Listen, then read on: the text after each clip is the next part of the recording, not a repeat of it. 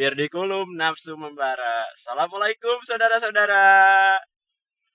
Eh, Kembali lagi bersama podcast Somasik. Sudah ba- sudah bacot so asik. Ya sampai saya sampai lupa judul podcast sendiri apa ya. Kok tegang banget bang Ya di Bismillah dulu Bismillah Alhamdulillah. Lupa Bismillah. alhamdulillah, ya, Bismillahirrahmanirrahim. Grogi banget nih Ya, kali ini kita mau bicara tentang apa nih? nggak tahu apa apaan sih bang? Apa sih? Kita ini episode 2 ya? Ya, kedua. Ini sekarang Kedua. pada pada pada amnesia semua. Iya episode kedua kita mau mungkin mengeksplor diri kita masing-masing dulu kali ya. Mungkin masih nyambung temanya sama yang kemarin ya. Iya. Apaan emang temanya? Yang kemarin Pengalaman pertama. oke yang kedua Pengalaman- ini?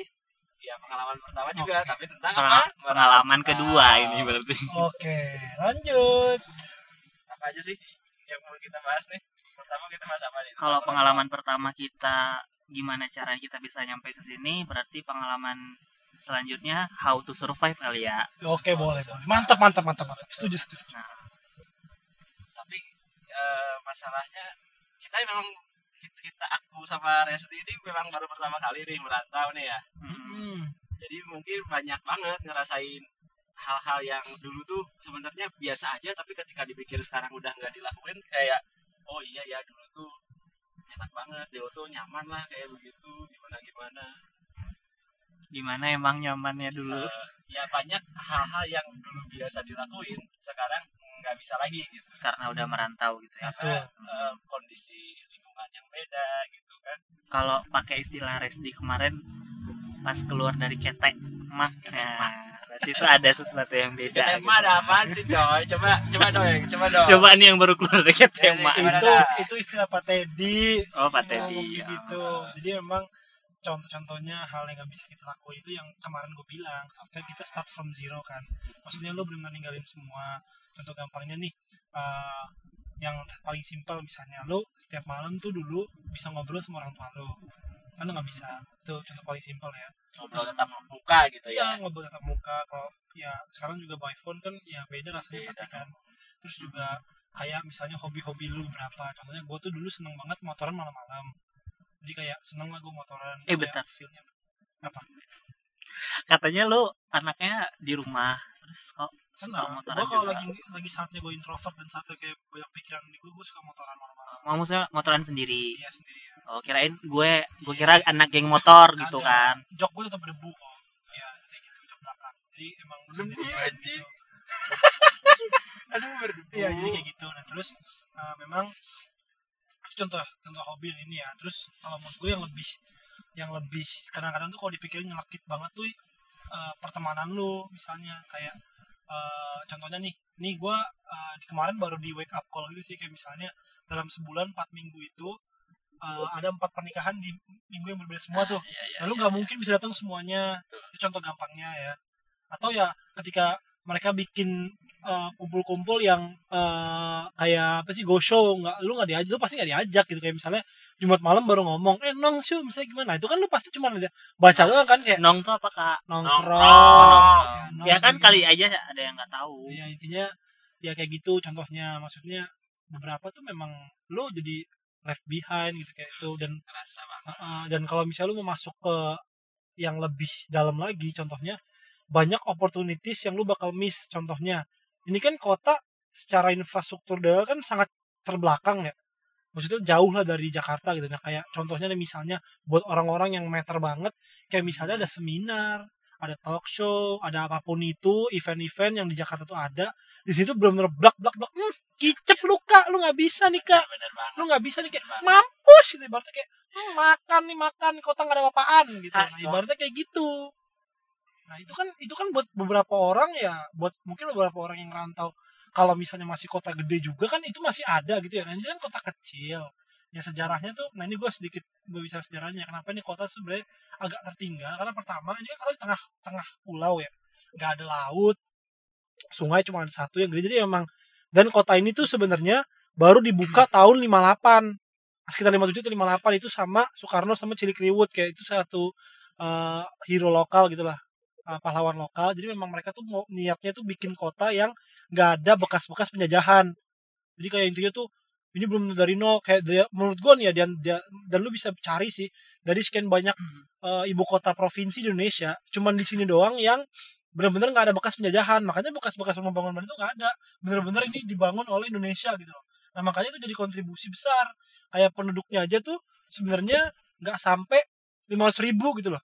Cuman 250 ribu dengan luas yang 3,6 kali lebih besar daripada Jakarta. Itu kayak background yang membuat ya udah memang ya mau maju kan gimana gitu? Penduduknya aja nggak ada gitu loh. Mau bangun apa gitu? Itu sedikit background ya gitu. Eh, mungkin sebagai orang yang berurusan dengan data ya kak.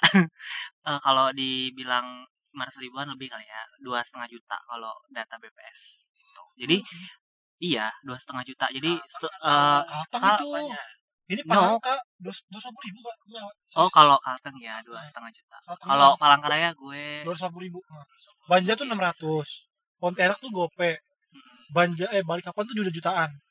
Jadi kayak intinya eh, ya ini bisa di sambil di search juga kayak gue ingat itu datanya ini emang- kota Palangkaraya ya Iya, yang kotanya lagi doang. dengar ini Hmm. kita lagi bahas kota Palangkaraya. Hanya paling lima ribu ya karena luas banget kali ya nah tadi gue bilang luasnya tuh gede banget orangnya dikit. Sedangkan orangnya dikit.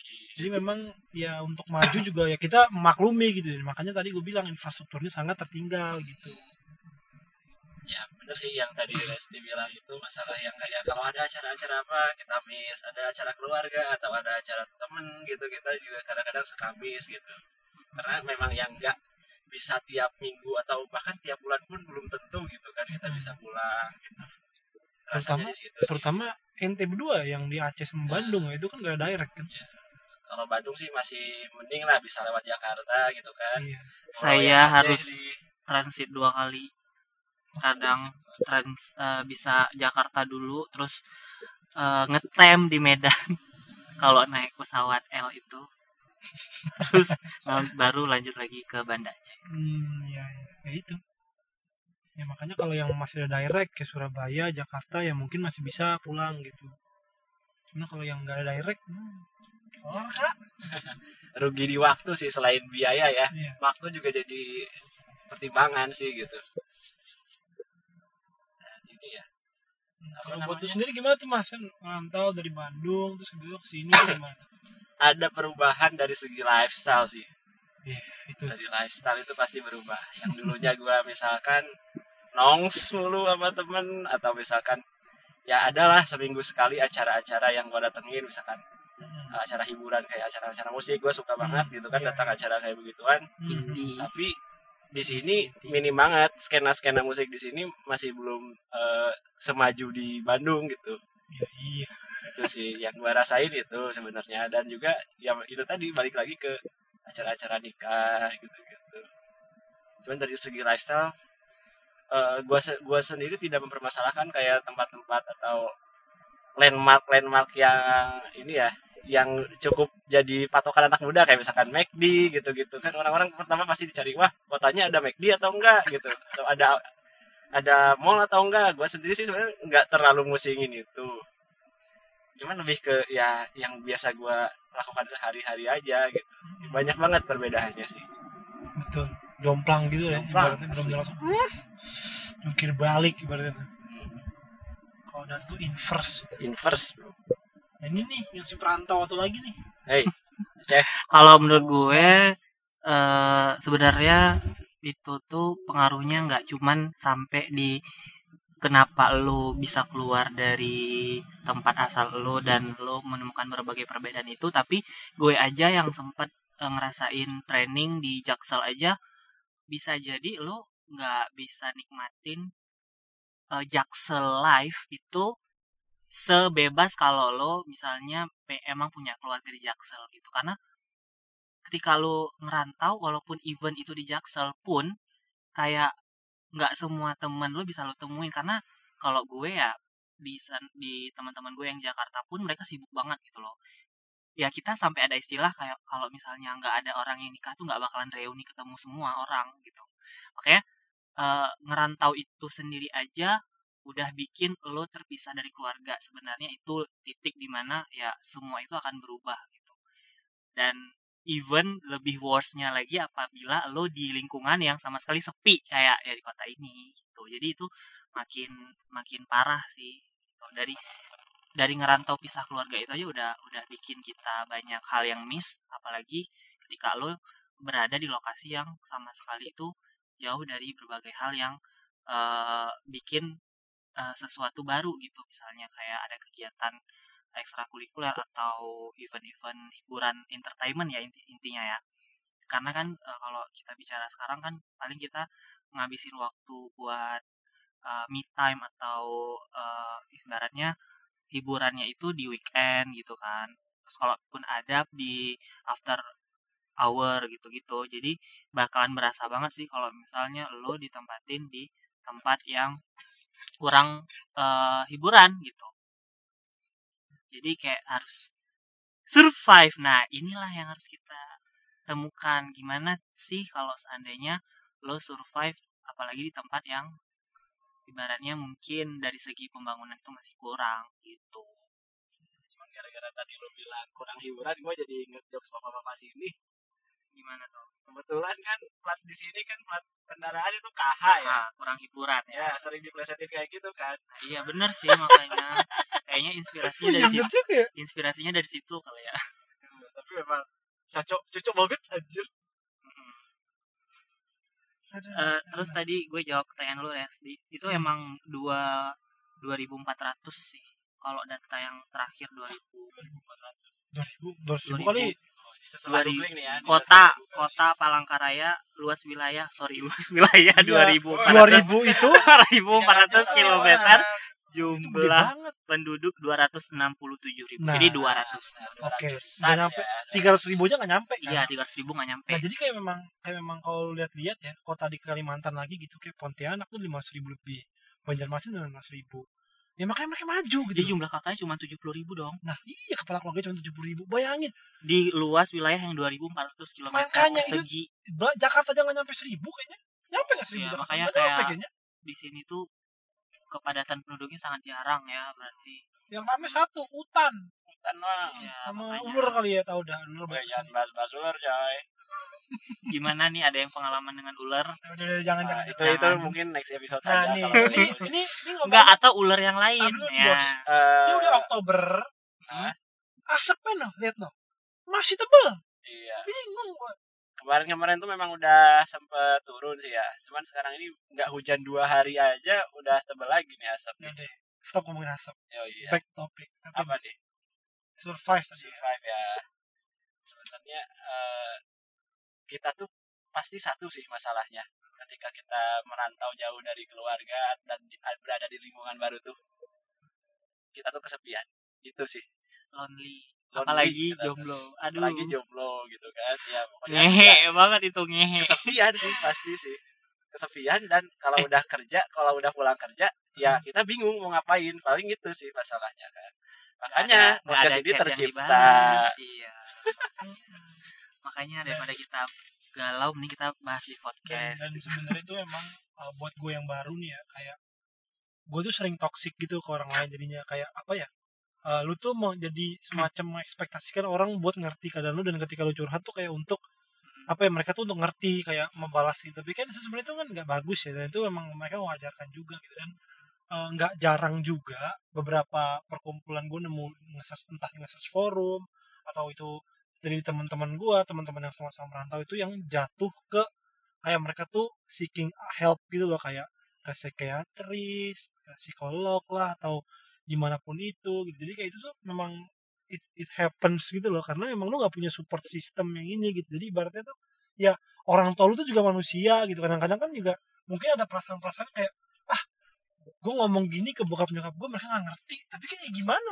Bukan bukan sebenarnya bisa aja karena orang tua lu tuh sebenarnya apa ya ya mereka kan juga manusia gitu ya ya nggak sempurna gitu kan. Kadang-kadang lu butuh seeking yang help lagi. Nah kita bertiga ini kan nggak punya kapasitas untuk ngomongin kayak gitu ya. Cuman kalau memang ada di antara pendengar ini yang perantau juga yang merasakan hal yang sama cuy gue bilang aja ini kalau itu bukan sama sekali hal yang memalukan ketika lu seeking help. Asli daripada lu Hmm, hmm. ended up hurting yourself terus yang paling parah mungkin ini kejadian gue gue tuh nyakitin orang lain. Mending lu cari punching bag kayak tempat buat ninju ninju nguapin semua perasaan lu tuh ke orang yang profesional emang ngerti lu gitu. Sekarang kan juga konseling banyak online gitu. Nggak perlu malu sih menurut gua gitu. Dan menurut gue ya itu memang harus lo atasi sedini mungkin. Karena eh, itu bakalan kayak useless terbilang useless kalau seandainya lo telat gitu.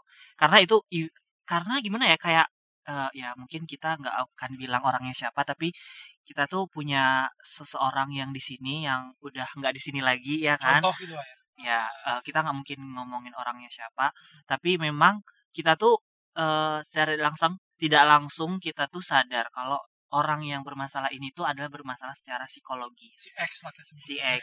si Mr. X ini karena apa karena memang mentalnya tuh udah udah Jatuh. parah jatuh banget gitu udah udah ibaratnya udah Struggle banget lah gitu. iya udah Karena parah penanganan yang eh, tidak cepat dan Cepat. tidak tepat mungkin jadi kena dan Iya. ngaruh ke psikologinya ya, jiwaannya Iya, jadi- perilakunya maka dari itu ya harus secepat mungkin iya mungkin bahkan mungkin banyak juga gitu yang nggak tahu kalau mereka lihat tuh ada di fase itu gitu. Mungkin fase awalnya dari de- depresi ringan kayak ke- kepikiran ini itu tidur nggak nyenyak Hmm. bangun pagi nggak tenang terus kayak merasa bersalah terus merasa kayak harga diri itu rendah atau nyalahin diri sendiri mulu gitu. Itu harus sudah eh, ini sih harus sudah bisa ditangani sih kalau udah kayak gitu. Atau seenggaknya lu coba cari temen lu yang bisa lu percaya untuk konsul-konsul ringan dulu lah gitu saling sharing gitu. Betul. saling dulu mungkin kayak ada yang bilang juga gini kat- katanya beda antara psikolog sama psikiater gitu. Karena kalau psikolog itu dia kita tuh datang ke psikolog terus nanti psikolognya paling kayak cuman dengerin lebih banyak denger kita itu cerita apa terus dia ya udah ngasih advice yang lebih ke lisan gitu. Tapi kalau psikiater itu tuh dia ngasih obat ke lu gitu kayak ada resepnya terus nanti lo harus beli obat itu dan lo konsumsi obat itu. Itu sih setahu gue kalau eh, selama ini yang gue dengar ya. Karena ada beberapa teman gue yang dia emang emang pernah datang ke psikiater gitu dan dia emang bener konsumsi obat itu. Dan kita tuh mungkin nggak tahu ya selama ini kita tuh butuh butuh kayak penanganan secara eh secara mental health gitu kan. Siapa tahu kita selama ini gara-gara kita merasa resah atau apa ya bisa jadi kita punya masalah masalah mental kayak gitu nggak ada yang tahu. Makanya eh, ketika lo mungkin nggak sempat ke psikolog atau psikiater atau mungkin ada orang juga yang nggak ah gue nggak mau ntar gue sangka gila ya kan? Ada kan yang kayak gitu pasti. Jadi ya setidaknya upaya lo adalah lo kalau bisa jangan sampai lo eh, lo sendiri gitu lo cerita ke orang harus ada orang buat cerita. Karena ya itu parah sih kalau lo cuman dan pada akhirnya pun gitu. bisa jadi dari mana aja gitu termasuk ya merantau ini gitu jangan dianggap sepele ketika Hmm. kalian ada yang galau masalah karena merantau tidak cocok dengan lingkungan baru gitu itu jangan jangan sampai kalian meremehkan itu gitu ya Nah, makanya di sini kalau kalau kita sendiri gitu ya supaya kita bisa survive ya kita salah satunya bikin podcast ini terus kita usahain ya ada temen gitu kan cari-cari kesibukan lagi gitu. Kalau gua sendiri gitu ya maksain kayak waktu itu beli gitar terus nyoba gabung ke komunitas-komunitas kayak aeromodeling kebetulan teman sekantor ada yang hobi di sana terus gua apa namanya iseng gitu ikut sana ngeliat-liat doang sih nggak main. Cuman ya oh iya seru juga sih ikut apa ikut acara komunitas lokal itu gitu. Kalau lu gimana deh selama ini supaya bisa melupakan sejenak gitu apa yang lu rasain sekarang Oh gua. ya gua pertama sih ini ya kayak hmm, orang bilang nyari hobi ya. Ya. Cuman bullshit sih menurut gua karena bagaimanapun juga hobi itu nggak enak kalau nggak di tempat yang enak gitu loh. Ya Kayak gimana? Lu udah kayak bertahun maksa gitu. Maksa banget kayak cari hobi orang apa. ngomong kayak cari hobi deh sini gini cari kesibukan. Bullshit asli. Itu cuman cuman itu pas di poin itu aja gitu. Lu Iya. merasa termati pas di poin itu aja ibaratnya dan dan dan dan di sini tuh kayak hobi lu kalau misalnya berhubungan dengan yang gak di sini gak ada gimana? Kayak hobi lu tuh pengen eh, motoran malam-malam. Terus nggak bisa. Udah asap terus lu nggak mungkin bawa motor dari sana ke sini gitu kayak. Sepi juga sepi gelap juga coy. gelap. Lu takut dibegal takut kena ada ada sesuatu yang melayang melayang gitu nyamperin lu gitu. Nah ini lawar ya. Lawar. Eh. ya udah kayak intinya nggak cocok gitu lah untuk dilakukan di sini gitu. Ya makanya gue bilang dan dan apa ya eh, jujur gue juga di sini tuh personally buat gue ya gue tuh sebel banget kalau weekend. Karena weekend tuh gak jelas gue nggak bisa ngapa-ngapain. Kayak gue lebih seneng weekdays yang di mana gue tuh ada aktivitas kayak oke gitu. Dan gue ngelama-lamain supaya ya udah baliknya tuh ntar aja gitu malam aja gitu. Hmm. ya gimana ya orang tuh bilang survive survive. Gue nggak mau tapi emang harus bisa gitu. Jadi kayak bisa. paksain gitu. Orang mungkin ada quote cheesy gitu kan asik cheesy keju ya kan. Nah, itu ngomong internal internal. Ya kayak ngomong you never know how strong you are until being strong is your only choice. Itu bener. Bener menurut gue bener ya kayak no matter how cheesy that sounds tapi itu bener. Kayak lo harus bisa strong ya gimana pun caranya walaupun di balik itu lo ambiar merebes mili sobat ambiar. Ya lu nggak tahu lah berapa galon mungkin uh, atau berapa kali hujan itu ternyata ada hujan di mata lu lu nggak tahu gitu. Tapi itu ya it happens gitu loh gitu loh. Dan apa ya uh, buat gue pribadi sih pertama ada orang yang menya uh, ini ini masuk ke praktikalnya ya. Ada orang yang menyarankan matiin Instagram Story. Karena buat beberapa orang itu ada yang bilang kayak ntar lu bakal lihat teman-teman lu yang lagi happy happy di sana. Gitu loh. Mereka ngomong kayak gitu kan. Tapi menurut gua satu hal lagi ya. Apa ya? Semua itu akan terja terlihat sangat indah ketika lu tuh belum memiliki itu. Gua kasih analogi kayak gini. Misalnya lu lagi di daratan nih. Eh, lu belum pernah naik pesawat. Sorry bukan lu belum pernah naik pesawat lu kayak pengen banget kan you crave for it lu pengen banget naik gue pengen banget naik pesawat gitu. Tapi ketika lu naik pesawat lu happy banget di pas take off kan. Kayak wih Oh, anjir gue iya, orang iya. busun gitu naik pesawat gitu take off take off gitu kan. Belum berani gue naik pesawat gitu. Gue juga pernah naik pesawat kayak gitu asli gue kampung gitu kan. Gue jarang banget naik pesawat sampai pas merantau gini. Nah tapi ketika antara ada di tengah perjalanan pesawatnya lu turbulence udah goyang-goyang itu udah kayak peringatan cuma kayak Allah Akbar Allah Akbar. Kayak mikir apakah gue mati di turbulence ini kayak ada badai keluar tuh udah ngeliat ada petir-petir itu kan kayak aduh ya Allah ya Allah ya Allah gitu ngeliat mesinnya kenapa-napa nggak ya nah itu kan lu jadi kayak mikir ah anjir ini betapa nikmatnya lu di jalanan naik mobil yang jalannya sepi gini. Segitu loh. Jadi makanya analogi yang yang kayak gitu tuh dibilang semuanya tuh kelihatan indah ketika lu nggak memiliki itu ya make sense gitu. Belum tentu ya ini kalau yang Islam kembali lagi ke surat apa gue lupa. Yang intinya Allah tahu apa yang terbaik buat lu? Hmm, dan meskipun gua sendiri pun juga kadang-kadang suka mendustakan itu cuman ya apalagi yang bisa dipegang selain itu gitu loh. Ya memang hope itu gitu. Ya udah memang lo gak pernah tahu gitu. Bahkan mungkin hikmahnya gak akan pernah tahu sampai mati. Atau kenapa lu tempatin di sini? Kenapa lu bisa di kota ini yang sekarang nih? Lihat jalanan ke depan tuh.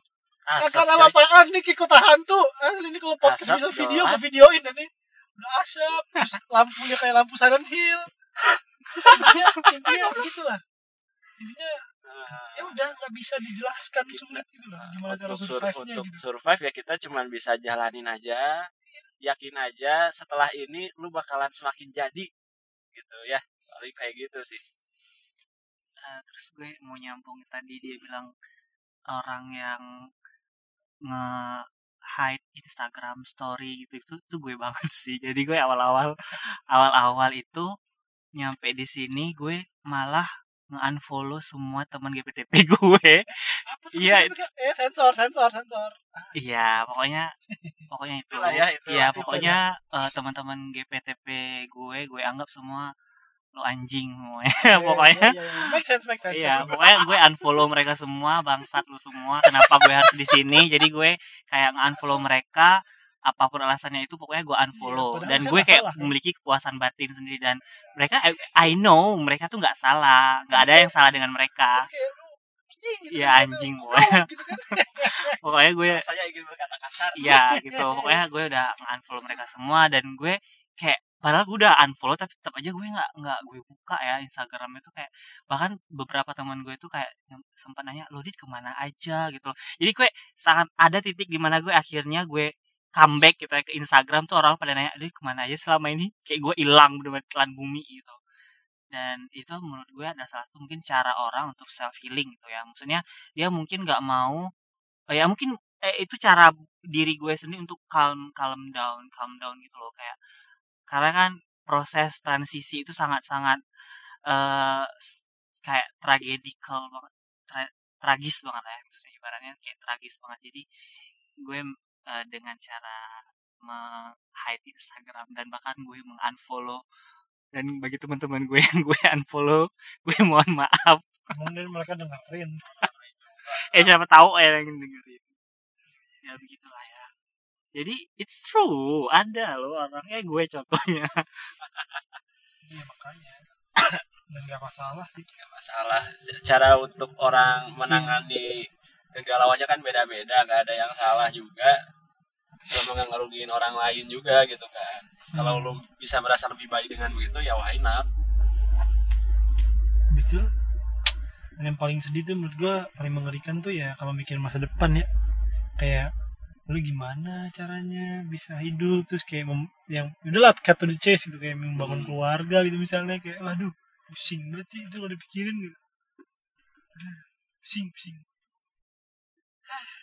Ya. Makin ngomong nih kayak semua orang udah jatuh gini enggak, enggak. tapi eh, tadi kan si Iin Kain ya pernah di awal Apa sih? ngomong kan kalau sebenarnya salah satu problem yang bikin orang itu susah bertahan atau salah satu triggernya itu adalah kesedihan ya kan makanya eh, gue sempat buka apa nih kayak semacam eh polling bukan polling ya apa sih? Kayak orang-orang Instagram poll eh, Instagram question apa question namanya ya itu pokoknya ya. itu ya eh, mencari pendapat netizen di Instagram terus ada beberapa memang yang intinya mereka tuh menyarankan lo untuk eh, untuk gabung komunitas cari kesibukan ya. Pokoknya tujuannya yang jelas jangan sampai lo sendiri dan meratapi kesendirian. Apalagi tipe-tipe orang-orang yang eh introvert ya? Apa sih? Pokoknya bukan introvert sih maksudnya tipe-tipe orang dia tuh nggak bisa sendiri gitu loh. Aduh gue susah banget ya ngasih contohnya tapi yang gue tahu mohon maaf ya eh, gue lagi lagi sering ngikutin Aukarin ya jadi mohon maaf bagi yang bukan fansnya Aukarin atau hatersnya Aukarin. Jadi ya ini ini eh, gue cuman eh, ngambil positifnya aja. Jadi si Aukarin ini kan dia bilang kalau dia tuh nggak bisa kalau dia tuh sendiri gitu. Jadi dia di rumah yang baru pun dia usahakan itu rumah jadi kantor gitu. Jadi supaya orang-orang tuh pada berisik atau apa pokoknya dia nggak bisa sendiri. Karena kalau sendiri tuh dia pasti kayak kayak entar dia berpikir apa sesuatu kayak ada aja yang di pikirannya gitu. Jadi itu tuh bakalan susah banget bagi orang-orang yang eh, yang kayak tipe-tipe Aukarin nih kayak gitu. Makanya eh, nggak salah sebenarnya kalau orang itu men- menyarankan untuk mencari kesibukan baik itu komunitas ataupun hobi. Karena teman kita aja nih eh, ada salah satu yang di sini kan kayak eh, gue nggak sebutin namanya juga.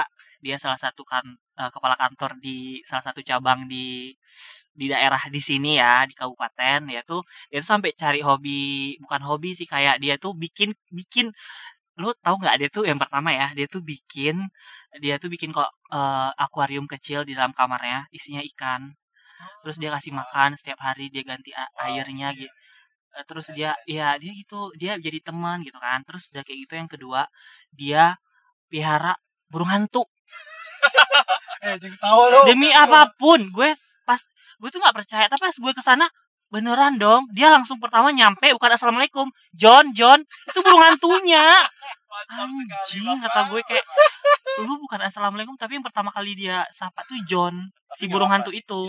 Terus yang ketiga dia bikin kayak komunitas archery. Bagus juga tuh. Jadi kayak beneran kayak it- itu kayak nggak omong kosong. Dia tuh sampai bikin kompetisinya segala macam. Jadi kayak gila sih. Terus pas gue kemarin yang kasus gue eh, delay pesawat dari eh, Kulon Progo ke sini akhirnya gue lewat Banjarmasin itu kan dijemput sama dia nih. Dari Banjar ke aduh ya udah ya ke tempat itu ke tempat dia. Terus dia eh, di tengah-tengah jalan tuh dia bilang Dit kita cari ini dulu ya bibit apa hidroponik. Anjir lu mau ngapain lagi coy? kata gue. Dia mau tanam hidroponik. Jadi dia tuh tambah-tambah terus gitu loh kayak dia bilang juga kalau gue melakukan ini semua ya itu diet karena daripada gue stres sendiri mikirin dia mending gue cari kesibukan. Jadi intinya ya itu cara orang tuh beda-beda. Ada yang nyari kesibukan ada yang nyari hobi ada yang nyari nyari. Pokoknya jangan sampai lo gabut gitu loh. Mikir ya mikir, gitu makanya. Benar sih kalau gue juga setuju sama yang kayak Aukarin gitu. Ketika gue sendirian cenderung banyak mikir. Banyak mikir yang nggak perlu overthinking gitu kan. Overthinking ya ya jadi malah banyak Jadi ke mana-mana negatif gitu. gitunya. Makanya lebih baik ya memang cari hobi gitulah. Iya. Tapi hobi yang positif gitulah ya. Makanya kalau yang punya pacar mungkin video call mulu tapi sayangnya kita semua hmm. Ah, gimana dong? Eh, terus ini ada juga eh, sa- salah satu teman gue yang mau ngasih insight.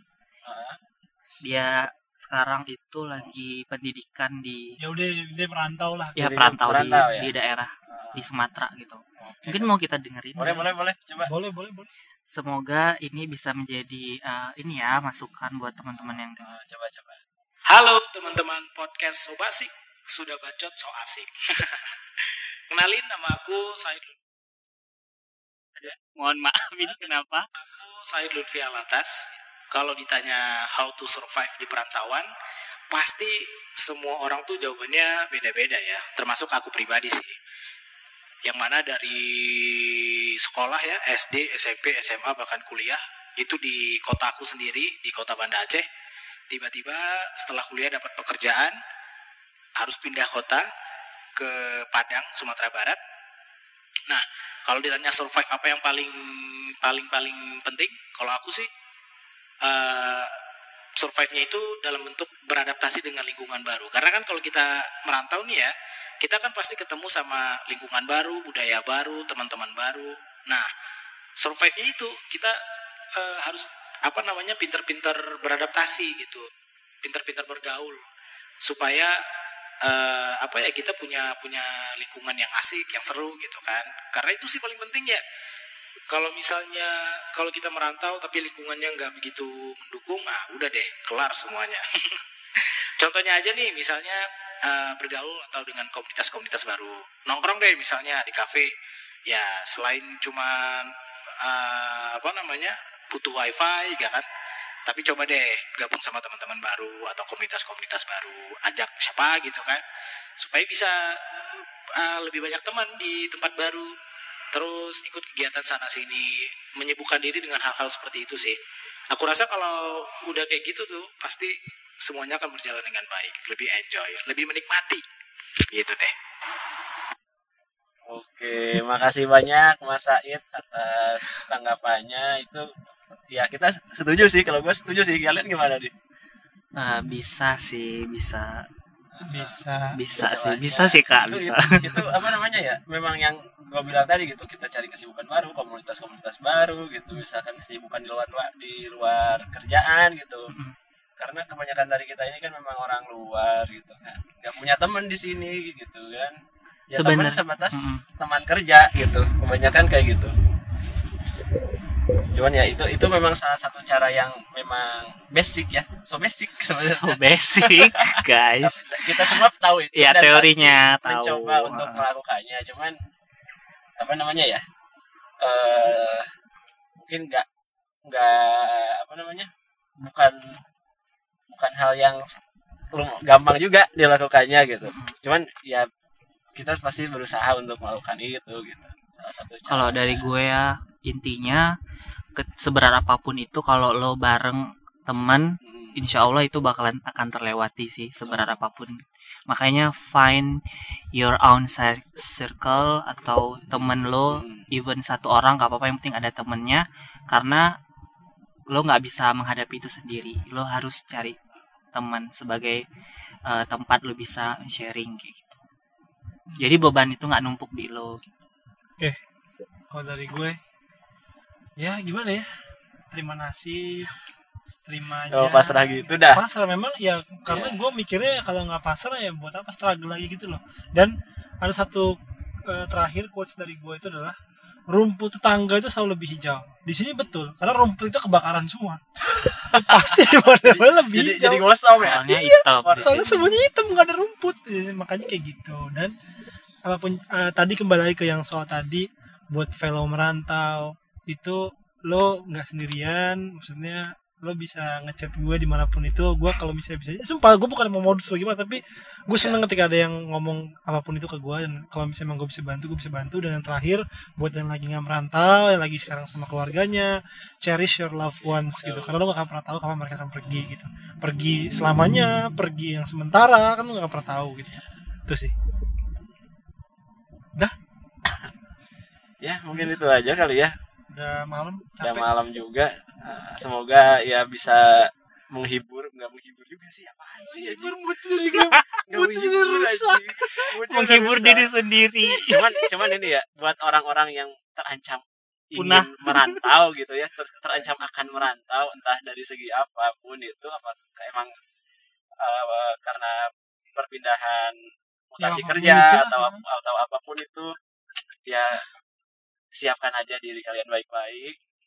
Meskipun kayak akan, bener banget loh ya. Meskipun gak akan pernah siap. Siapkan diri. Asli gak, gak akan pernah siap, siap. Ya, kalau kita siap. siapin kita sebenarnya ya tidak pernah pernah siap gitu. Pokoknya harus dijalani dulu pokoknya gitu. Dan jangan takut sih jangan jadi takut merantau. Sih. merantau ya merantau aja tapi kalau saya sih udah cukup sih pengen pulang aja. enak merantau. Enak. Udah bye bye bye, -bye. dadah guys.